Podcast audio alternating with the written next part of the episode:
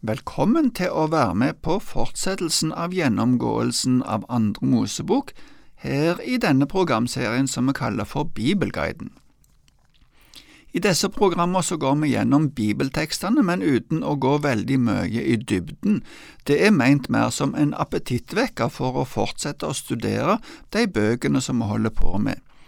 Vi har begynt på kapittel 14 i Andre Mosebok, altså, og vi har sett litt på at israelsfolket har kommet til Rødehavet, eller til Sivsjøen. I mellomtida har egypterne satt etter de, og de er i ferd med å nå de igjen der ved havet. Israelittene er forståelig nok redde, men Moses sier at de skal ikke frykte, for Herren skal stride for dem, og de skal være stille. Etterpå får Moses beskjed ifra Gud om at han skal rekke hånda med staven ut over havet, og så sier Gud at det skal åpne seg slik at Israel skal få gå tørrskodd over. Men før de begynner å gå, så skal vi se at Gud gjør noe annet. Vi skal lese nå ifra vers 19 til 25. Guds engel, som hadde gått foran Israels leir, byttet nå plass og gikk etter folket. Skysøylen som var foran dem, flyttet seg og stilte seg bak dem, så den kom mellom egypternes leir og israelittenes leir. Og skyen kom med mørke, men den lyste likevel opp om natten, så de ikke kom inn på hverandre hele natten. Da rakte Moses hånden utover havet, og Herren drev havet bort med en sterk østavind som blåste hele natten, så havet ble til tørt land. Vannet ble kløvd, og israelittene gikk tørrskodd tvers gjennom havet. Vannet sto som en mur til høyre og venstre for dem. Egypterne satte etter dem med alle faraos hester, vogner og ryttere, og fulgte etter dem midt ut i havet. Men ved morgenvakten så Herren ned på egypternes leir fra ildsøylen og skysøylen, og han skapte forvirring blant dem. Han låste hjulene på vognene deres så det var tungt for dem å komme seg fram. Da sa egypterne, La oss flykte fra israelittene, for Herren kjemper for dem mot egypterne. Vi har tidligere sett at skysøyler var et bilde på Guds tilstedeværelse, om Guds engel er en annen betegnelse på skystøtte, eller om det er to representasjoner for Gud som handler her, er litt uklart. Men uansett så ser vi her at søyla stilte seg bak israelsfolket, eller mellom de og egypterne. Vi kan kanskje tenke at søyla nå nesten tok form som en mur. Det ble en mur mellom de to gruppene for å beskytte Israel. Beskyttelsen ble enda tydeligere ved at søyla, eller kanskje vi kan si muren, fikk forskjellige egenskaper alt etter hva side av den folka var på. Dette kommer tydeligere fram i oversettelsen til Norsk Bibel, som i vers 20 skriver at på den ene siden var den sky og mørke, på den andre siden lyste den opp natten. Noe lignende er det òg i oversettelsen til de andre biblene som jeg har sett på. Hele natta holdt Gud leirene ifra hverandre. Moses rakte ut hånda med staven, og hele natta blåste det en vind, en sterk østavind, står det. Så blei havet helt tørt. Det lar seg ikke forklare hvordan dette skjedde, men vi må bare se at det skjedde. Vatnet blei kløvd, står det. I vers 23 står det at vannet sto som en mur på begge sider. Israelsfolket gikk tørrskodd over til den andre sida, mellom disse murene av vann. I Salme 78 vers 13 står det at vannet sto som en vold. Og det er ikke bare at vannet sto på sidene, men det står òg at bunnen var tørr. Egypterne satte etter de da de så veien midt i havet. Egypterne var nok både overraska og forvirra.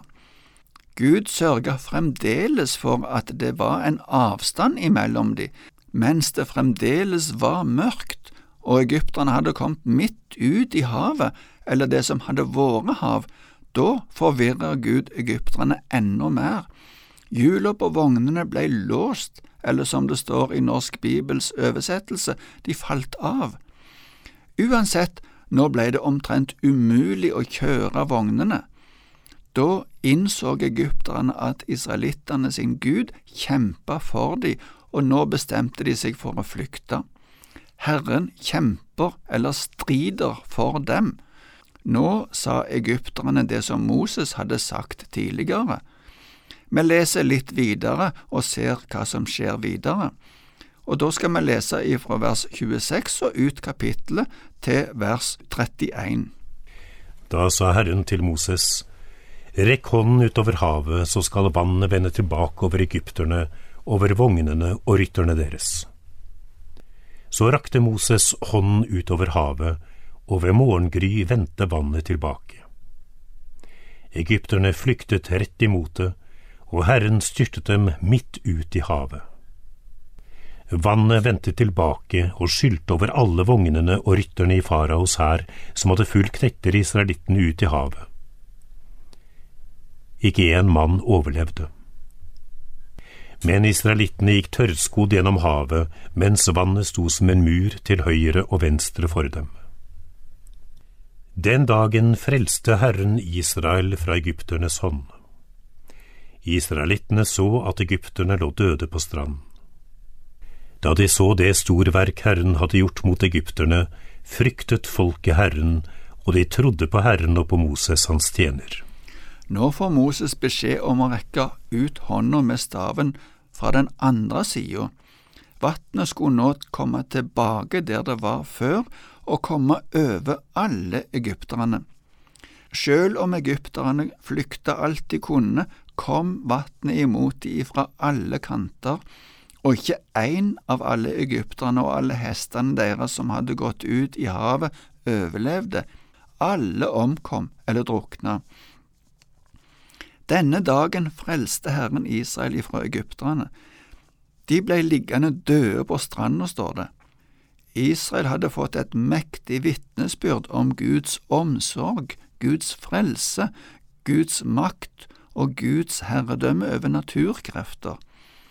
Det førte til at de fikk ærefrykt for Gud, og de trodde både på Gud og på Moses. Da de kom fram til havet, hadde de anklaget Moses om at han ikke visste hva han gjorde, eller hadde ført de i ei felle, men nå var de jublende glade, og denne jubelen skal vi se litt på i det neste kapitlet. Vi leser ifra kapittel 15 ifra vers 1 til 20 nå. Da sang Moses og israelittene denne sangen for Herren.